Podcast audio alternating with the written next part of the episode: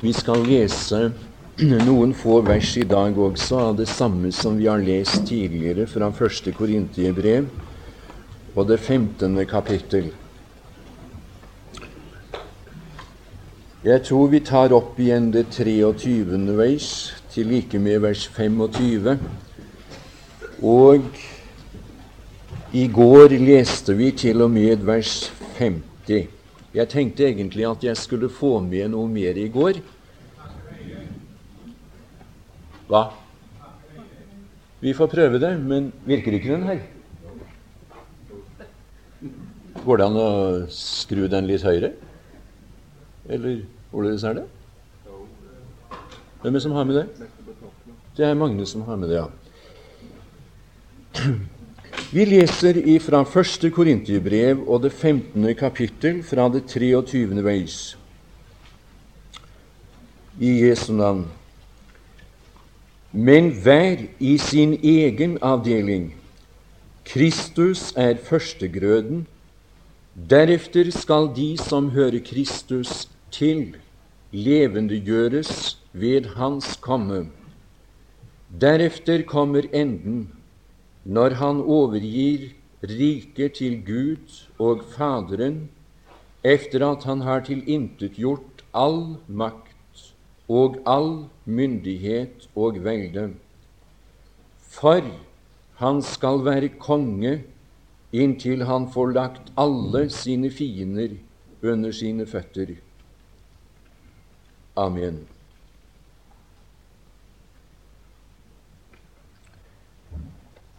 Jeg ser det er kommet en god del Du får, uh, får regulere dette, Magne, for jeg tror du ble litt sterk nå. Jeg ser det er kommet en del som ikke var her i går. Og uh, jeg kan ganske kort nevne at vi talte litt i går på min bibeltime om den annen avdeling i oppstandelsen det står uttrykkelig i det 23. veis at oppstandelsen vil finne sted i tre eh, eller i flere avdelinger.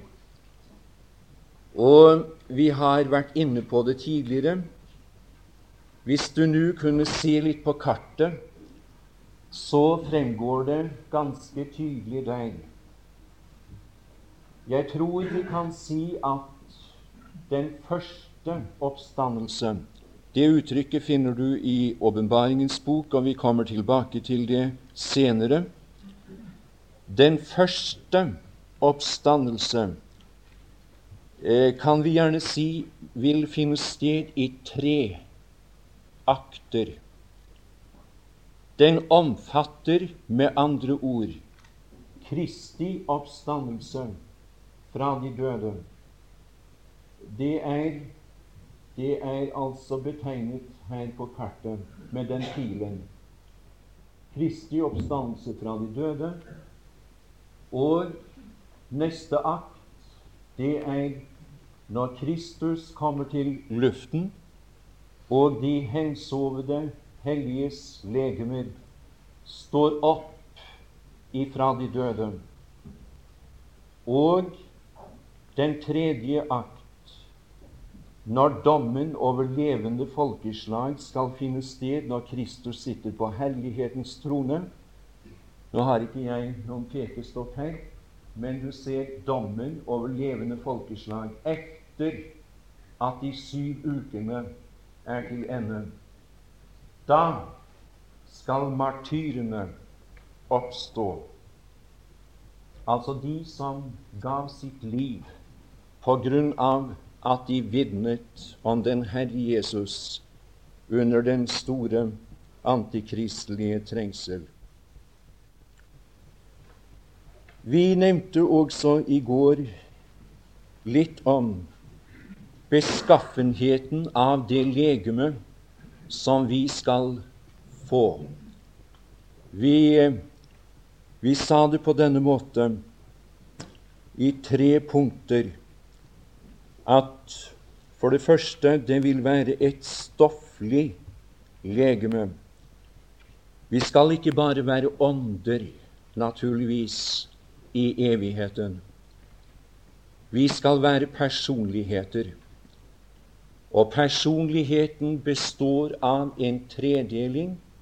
Det er ånd og sjel og legeme.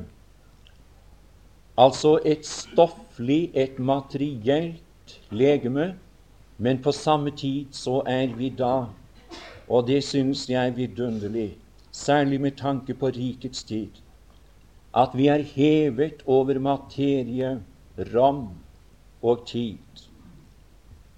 Alt dette, det skal ikke hindre oss når vi får oppstandelseslegemet. Og det, det andre var at dette nye legeme, herlighetslegeme, vil være et blodløst legeme. Det var nettopp det vi så fra Lukas evangeliums 24. kapittel, vers 39, at uh, han sa til sine disipler en ånd har ikke kjøtt og ben. Han sa ikke blod og kjød, slik som det står i Hebrebrevets 2. kapittel, vers 14. Men en ånd har ikke kjød og ben, som dere sier at jeg har. Og så kunne de føle på ham. Og jeg nevnte at blodet det rant på Golgata kors. Det rant for deg og for meg. Gud være takk. Og det nye legemet er ikke avhengig av blod. Det kan også ta mat til seg ifølge Lukas 24, men det er ikke nødvendig. Eh, la meg bare peke på, før vi går videre i dag, at Kristi oppstandelse fra de døde og hans stilling på tronen nå ved Guds høyre hånd er garantien for at også vi skal en gang oppstå fra de døde. Nå vet vi ikke om vi skal gå den veien hjem, om vi skal gå gjennom døden. Men om så er at vårt legeme skulle bli avsjelet, og denne hytte ble senket seks fot ned i jorden, så vet vi at vi en dag skal stå opp. Og jeg mener også at selve oppstandelsen taler for at det vil være en forbindelse mellom det gamle legemet og det nye legeme. Ellers ville det ikke være nødvendig å tale om oppstandelse overhodet. Men det vil på samme tid være et nytt legeme vi skal få, som jeg nevnte i går. Det første kornbånd, det er allerede kommet hjem. Første grøden er samlet inn, og det det er det uttrykket som er brukt om Kristi oppstandelse ifra de døde. Og garantien for at vi skal oppstå, er at Han nå er innenfor forhenget. For han har gått inn som vår forløper. Jeg er veldig glad i det uttrykket der i, i Hebrevbrevets sjette kapittel og det tyvende veis, der Kristus gikk inn, altså innenfor det revnede forheng, som vår forløper. Det betyr jo at vi skal en gang komme efter. Vi var også litt inne på at den troendes død og begravelse er omtalt som et såkorn. Altså, det er, det er uttrykt slik i det 42, fra det 42. veis. Det såes i forgjengelighet, det oppstår i uforgjengelighet.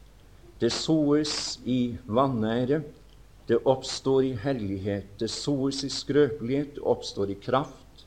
Det såes et naturlig, eller jeg nevnte i går, det ville være mer riktig at det sto et sjelelig legeme. Og der oppstår et åndelig legeme. Jeg har en liten illustrasjon som jeg vil benytte meg av når det gjelder de troendes oppstandelse. Det, det var en venn av meg som virket oppe i Trondheim for en tid tilbake. Og Der oppe ble han kjent med en gullsmed. Og en dag som min venn besøkte gullsmeden på forretningen, så ville han gjerne ha greie på hvorledes de gjorde når de renset gull. Jo, sier gullsmeden, da legger vi gullet i et vann som heter kongevann.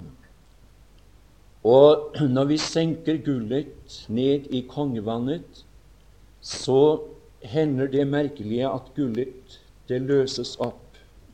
Det blir faktisk borte for våre øyne. Det blir, det blir forenet med kongevannet. Men, sier gullsmeden, så tar vi to elektriske ledninger, og så setter vi dem i forbindelse med kongevannet. Og øyeblikkelig, når de berører kongevannet, så skjer, så skjer det. Gullet, det samler seg til ett. Og så tar vi det opp, og da er det renset. Jeg synes det er en, eh, det, det er en svak illustrasjon, men allikevel, jeg synes det kan si noe om hva der vil finne sted når den Herre Jesus kommer til luften, ifølge 1. Tessalonikerbrevs fjerde kapittel. Du tenker kanskje på de legemer som har ligget i graven i hundrer for ikke å si tusener av år. Du vet at uh, de er formullet, de er forenet med jordens stoff. Vi snakker om at de er borte, men de er faktisk ikke borte, mine tilhørere. De er der. Du kan stole på stoffet er der. Og så står det så fint, som jeg nevnte som det siste i går, i 1. Tessalonikrets 4. kapittel. Herren selv skal komme ned fra himmelen med bydende råp. Og Jeg nevnte også det at det betyr akkurat det samme som det vi leser om i Johans evangeliums 11. kapittel. Når, når den Herre Jesus ropte inn i Lasarus' grav Lasarus kom ut. Og så kom den døde ut. Jeg, jeg, jeg, tror neppe at det er noen skeptikere her i dag som, som tviler på at oppstandelsen en gang skal finne sted, ifølge Skriften. Men om det skulle være noen som har hatt vanskeligheter med dette, og som er blitt angrepet nettopp på dette punkt Det kan være noen. La meg si, min venn, hør. Hold deg til den illustrasjonen for et øyeblikk når den elektriske kraft kan bevirke dette med gull i kongevann, hva tror du? Hva tror du skal skje når Kristus kommer ned fra himmelen og til, til lufthimmelen med bydende råd, med overengelsrøst, med Guds basun? Og når han kommer i sin oppstandelseskraft, da kan du være ganske viss om at disse legemer som er formullet, de skal skille seg fra det stoff som de er forenet med. Og så skal de stå opp, ikke som de var, men de skal være ham like gjennom alle evigheter. Og sådan bærer det gjennom perleportene. Og det var visst nevnt her en dag av Aurebekk Noe som jeg har tenkt på særlig den siste tid. De venter der som vi burde vente her. Jeg gjentar hva jeg sa i går. Jeg vet det er noen av dere som er i den tilstand nettopp nå og trenger, trenger dette budskap som en trøst. Og jeg ville så gjerne at det kunne være deg til trøst. Jeg skrev akkurat et brev forleden dag til en som måtte si farvel til henne som sto ham nærmest i livet. Jeg syntes jeg ble så fattig på ord. Det er så vanskelig å kunne si noe som kan være dem til hjelp, til velsignelse, til trøst. Men godt er det vi har det evige livs ord som kan trøste i enhver situasjon. Det er godt, venner. Og så kunne jeg bare ganske enkelt få si Jeg blir taus selv, men jeg kan bare referere til hva der står skrevet. Å, hør, de venter der, og jeg vil si det slik, som vi burde vente her. Det er kanskje ikke så rart stell med forventningen her. Når det kommer til stykket Det er én ting å preke om det, men hvor meget venter vi? Ja, ja, du får bare tenke om meg hva du vil, men det tør jeg virkelig si. Jeg venter den Herre Jesus. Ikke som dommer, men som frelser, som brudgom, som min aller beste venn. Og jeg elsker disse ordene som står i ordspråksboken. Det er en venn som henger fastere ved en enn en broder. Det er han, mine tilhørere, som kan komme før denne bibeltime er oppløst eller slutt i formiddag. Så er åkre, åkra tom for troende mennesker. Plutselig hastig. Hvorledes tilbringer du ventetiden? Hvorledes tilbringer jeg ventetiden? Det var det jeg, jeg ble våknet med i dag. Det var det som vekket meg i dag. Ja, det står om de troende. De var bare noen uker gamle som troende. Og så skrev apostelen til dem. Det er i 2. Tessalonikerbrev, unnskyld, 1. Tessalonikerbrevs første kapittel.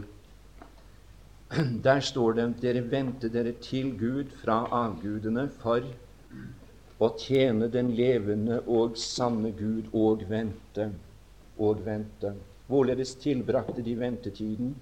Ventetiden på Ham som Gud oppvakte fra de døde, Han som skal fri oss fra den kommende vrede Fri oss fra den syvårige trengselsuke som snart skal skylle inn over denne verden. Du ser den her på kartet. Jo, de tilbrakte ventetiden med å tjene. Å tjene. Og jeg skal si deg, det er én ting som jeg særlig har lyst til å understreke, og det er bønnens tjeneste. Bønnens tjeneste. Jeg vet ikke noen tjeneste som er mer fruktbringende enn bønnens tjeneste. Det er meget mulig at de store navn i historien de blegner for Kristi domstol. Ja, jeg tror det, venner. De fikk det på forskudd. De fikk det i grunnen for tidlig. De fikk menneskers ros. De ble opphøyet her jeg tror at den Herre Jesus vil si der er en som skal ha hans plass. Hvorfor det? Han, hun, tilbrakte megen tid på sine kne i forbønn. Det var ingen i verden som så dem. Det var ingen her som aktet det høyt, som skattet dette, som de gjorde der, skjult i denne verden, men det, det var én. Det skal vise seg det var én. Og tenk om han kunne si når vi en dag står der hjemme Der, der er noen som du vant. Der er noen som, en frukt, som er en frukt av din forbønnstjeneste. Jeg kan ikke stå her og si at jeg har vunnet så mange. Jeg tror det er noen. Det er noen som ble vunnet også gjennom det jeg sa om den Herre Jesus. Men eh, Å, venner, jeg ser slik på det om det bare var en eneste Én som han sa om han der ledet du til Krist, ledet du til meg, vant du for meg på denne syndens jord. Jeg tror det skal være lønn nok for det som du, du måtte tape av jordiske goder og fordeler i denne verden. Lønn for tjenesten. Da er gullet rent. Du kan gjerne skrive det. Da er gullet rent tvers igjennom. Det er det ikke i dag. Og vi leser i, altså i Salmenes bok, det 103. salme. 103. salme. Der står det Der sier salmissen Min sjel, lov Herren. Min sjel, lov Herren. Men så legger han til Merk deg det. Han legger til Lov Herren. Venner, han sier noe som, som ikke kan skje i denne verden. Det er kun et ønske. Merk deg det. Bare et ønske. Det er dette. Og alt hva i meg er, love Hans hellige navn. Ønsker du ikke det? Og jo, jeg ønsket virkelig at alt i meg kunne love Hans høyhellige navn. Men det er komplett umulig så lenge jeg har en syndig, bunnfordervet natur i meg. Og det skal bli vidunderlig. Hør nå. Intet i meg, intet ved meg, intet omkring meg skal kunne skille meg eller hindre meg uh, i å tjene Ham, skille meg fra Ham eller eller hindre meg når det gjelder mitt forhold til Ham gjennom alle evigheter. Gullet er rent om sjel, legeme.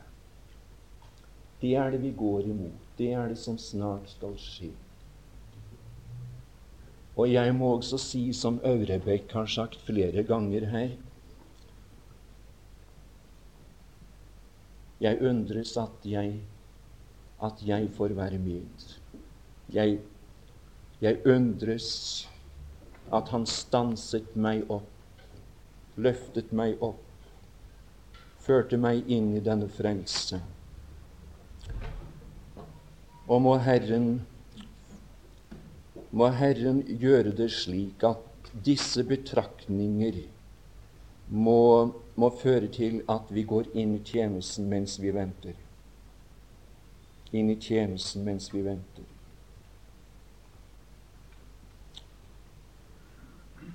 Så kan du skrive romertall 3.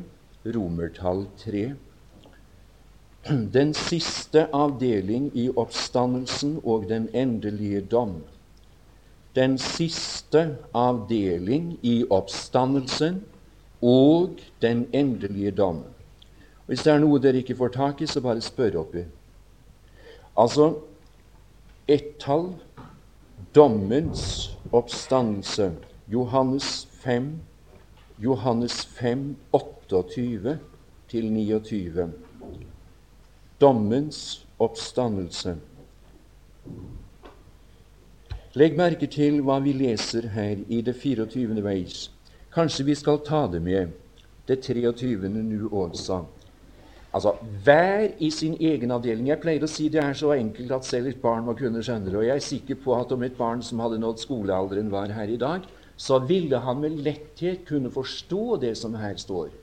Men det er så besynderlig. Det er akkurat som djevelen legger hånden over det for sjelene. Så de ikke ser og ikke blir brakt til erkjennelse av dette som er så usigelig viktig. Skal du høre men hver i sin egen avdeling. Kristus er førstegrøden, nummer én. Deretter to. Deretter skal de som hører Kristus til, levendegjøres ved Hans komme. Deretter kommer enden på hva? Jo, det er ganske klart. Hør nå. Deretter kommer enden på oppstandelsen. Den siste akt i oppstandelsen. Det er oppstandelsen som er det store temaet i 1. Korinterbrev 15. kapittel, som jeg gjentatte ganger har, har presisert her. Og deretter kommer enden på oppstandelsen. Og det er den endelige oppstandelse og, og dom. Og den heter Det er forresten noe av det sværeste jeg taler om. Den heter i Johannes evangeliums femte kapittel for dommens oppstandelse. Der står det sådan Den time kommer da alle de som er i gravene, skal høre Guds sønns røst. Og de skal gå ut, de som har gjort godt til livets oppstandelse, og de som har gjort ondt til dommens oppstandelse. Legg merke til at du har, du har to oppstandelser omtalt i Johansvangelens fem, femte kapittel. Og du har også to timer der. Du kan merke av det. Merk det i Bibelen din. To timer og to oppstandelser. Altså i det 25. vers Den time kommer og er nu. Den time kommer og er nu.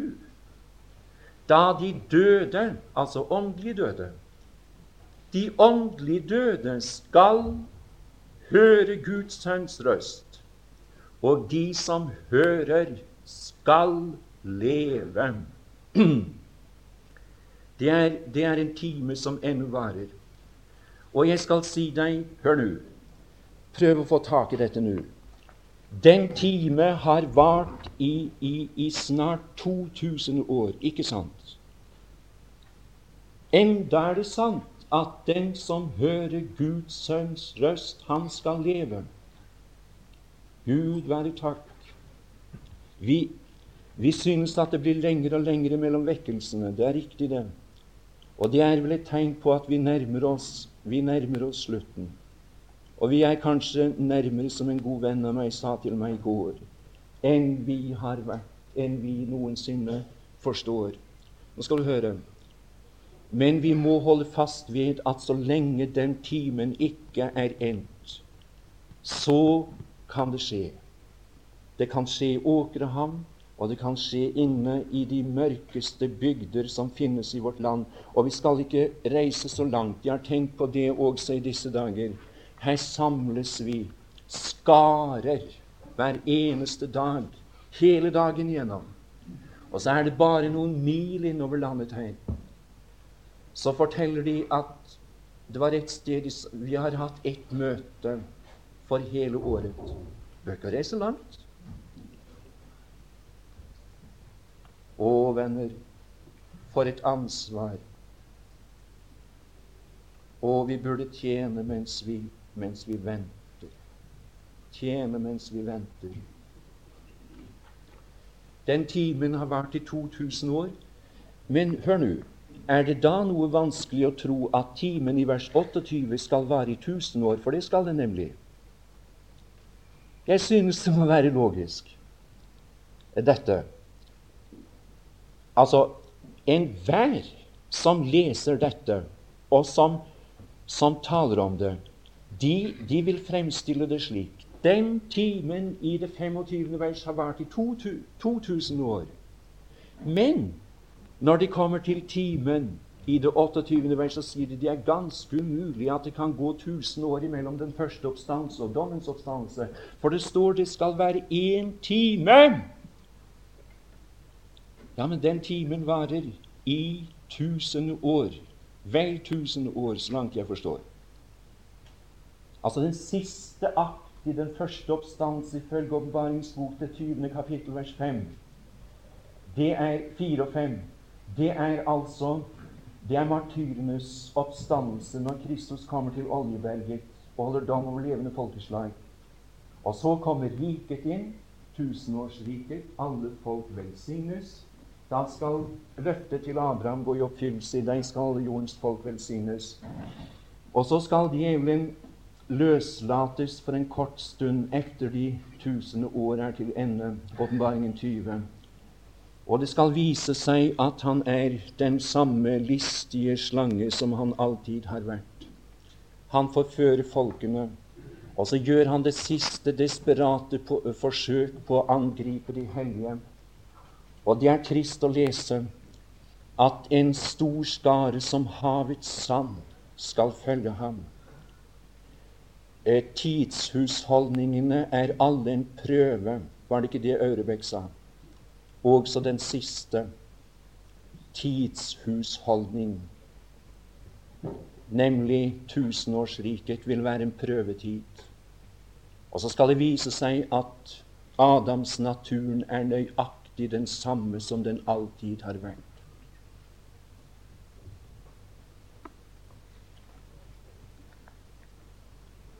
Vi skal lese litt der. Ta med to altså to. Mellom den første oppstandelse og dommens oppstandelse vil det være tidsrom av 1000 år. Åpenbaringen 20, 4-5.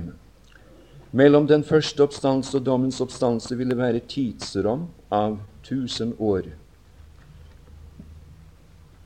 Og tenk om dere kunne få tak i det, for store tid, hvor meget som da ville vært vunnet for dere som er yngre av året og ikke har tenkt vesentlig over dette før. Fjerdeveis, og jeg så troner, og de satte seg på dem. Og det ble gitt dem makt til å holde dom, og jeg så deres sjeler som var blitt halshugget for Jesu vitensbyrds og for Guds ords skyld, og dem som ikke hadde tilbedt dyr eller et bilde, og som ikke hadde tatt merke på sin panne og på sin hånd, og de ble levende og regjerte med Kristus i tusen år så fører han linjen helt ut. Vers 5 har ofte vært en vanskelighet for, for, for mange. Legg merke til det nå. Han fører linjen helt ut. Han følger altså oppstandelsen nå til endes. Og så legger han til der For at han kan føre linjen helt ut, så må han legge til de ordene der. Men de andre døde ble ikke levende før de tusen år var til ende. Og så sier han dette er den første oppstandelse, og det går selvfølgelig tilbake på det som er omtalt i det fjerde vers. Du forstår? Altså, de andre døde ble ikke levende igjen før de tusen år var til ende. Og så er det beskrevet lenger ned i kapitlet som vi skal komme til nå. Eh, vi kunne eh, skrive et tretall. Hvor går den uomvendte ved døden? Hvor går den uomvendte ved døden? Og det er sikkert et spørsmål som, som interesserer oss. I hvert fall burde det interessere oss. Hvor går den uomvendte ved døden? Det er noen som sier han går til helvete, direkte til helvete. Men det har jeg aldri funnet i Skriften. Nei, nå er det vel noen som stusser, tenker jeg. Men hør, jeg har aldri funnet det i Skriften at den troende går direkte til helvete, til ildsjøen, til den evige tilstand som skal være for de uomvendte. Aldri vil du bare skrive der som svar på det spørsmål til dødsriket. Lukas 16, 22. 2. Peter 2, 9. Til dødsriket. Lukas 16, vers 22. 2. Peter 2, vers 9.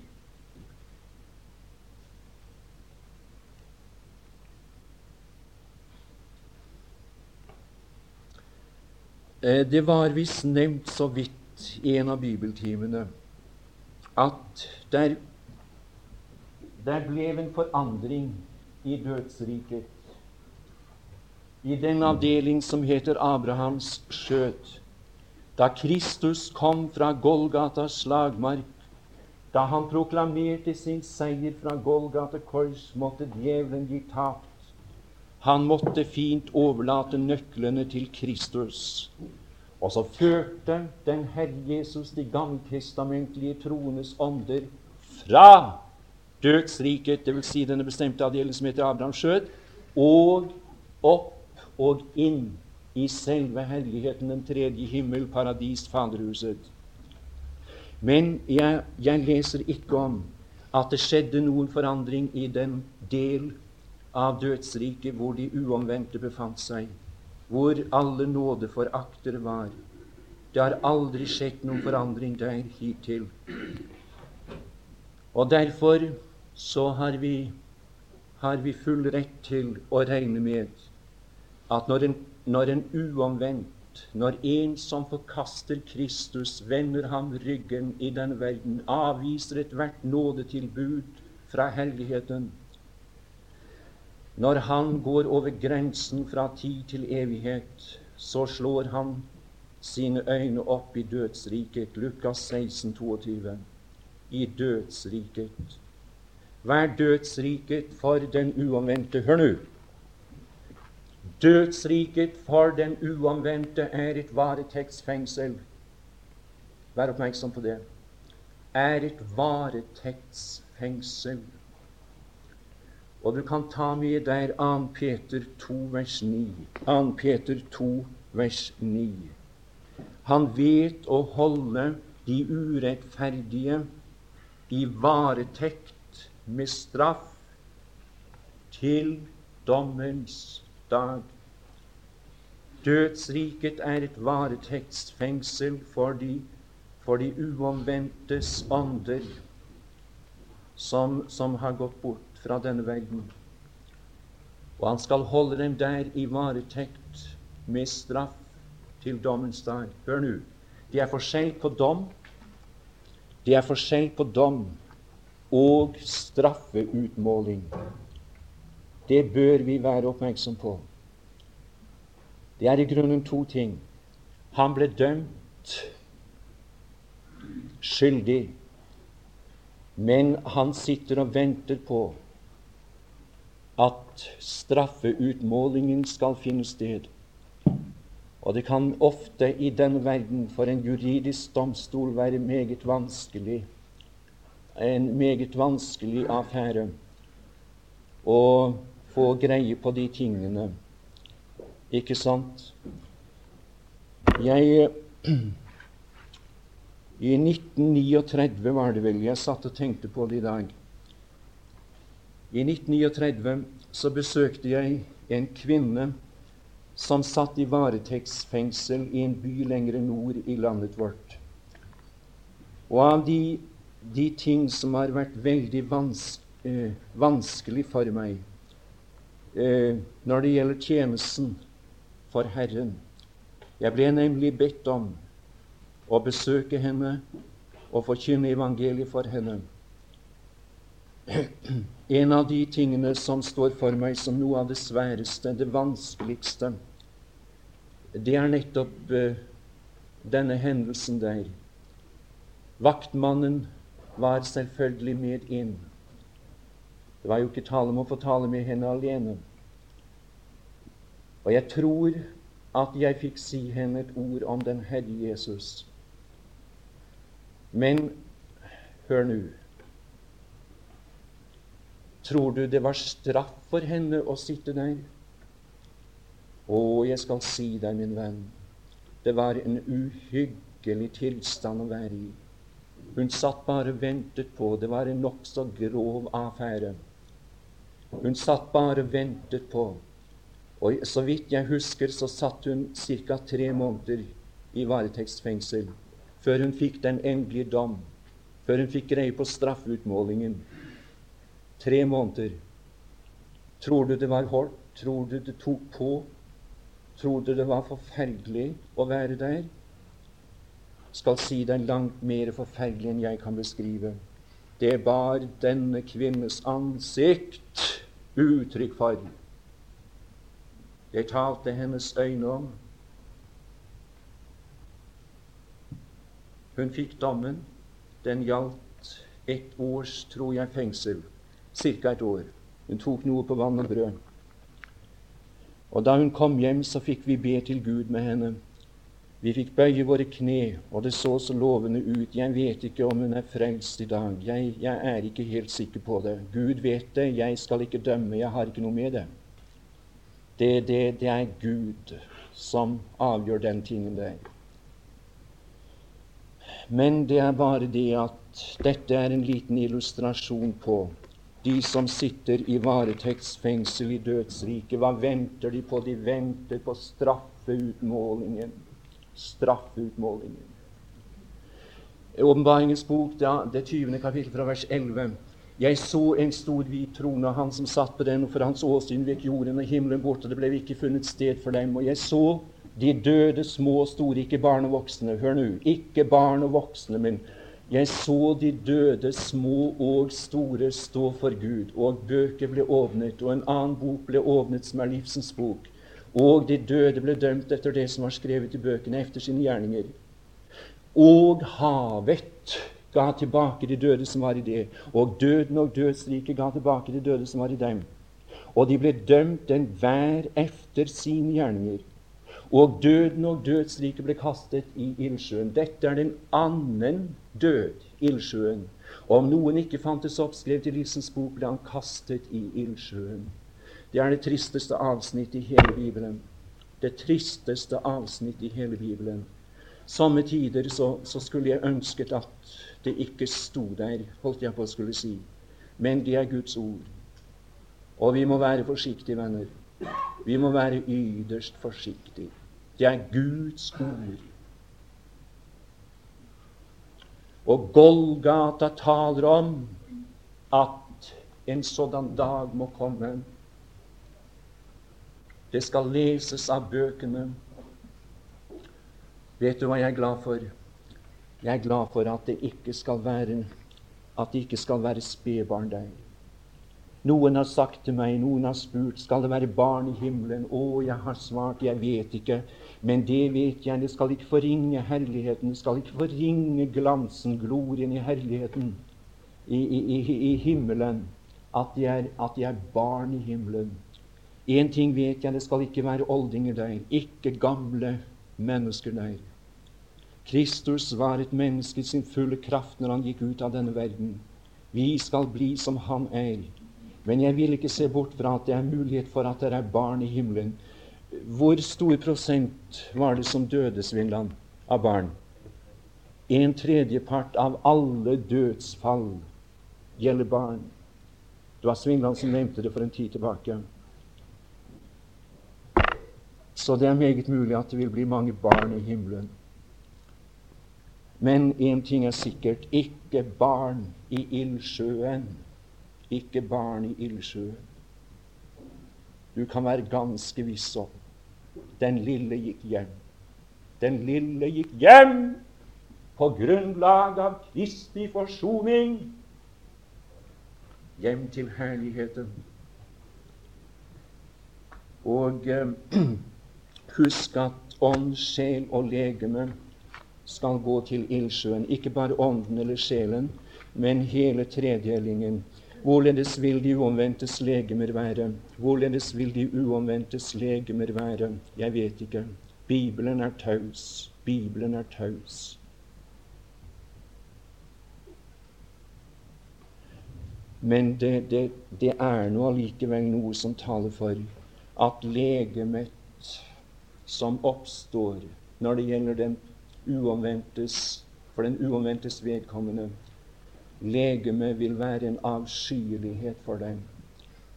De skal, de skal Somme skal stå opp til evig avsky, avsky. Et legeme kanskje som er merket av, av synder, grove synder kanskje, eller fine synder, som vi også kaller det, ifra, ifra denne nådens tid. Er du her, er du her som ikke er frelst, kom på dine kne nå når denne bibeltime er oppløst. Møt Kristus og få din dom avgjort. Straffen ble lagt på ham for at du skulle ha fred. Og så kan du si ved hans sår har jeg fått legedom.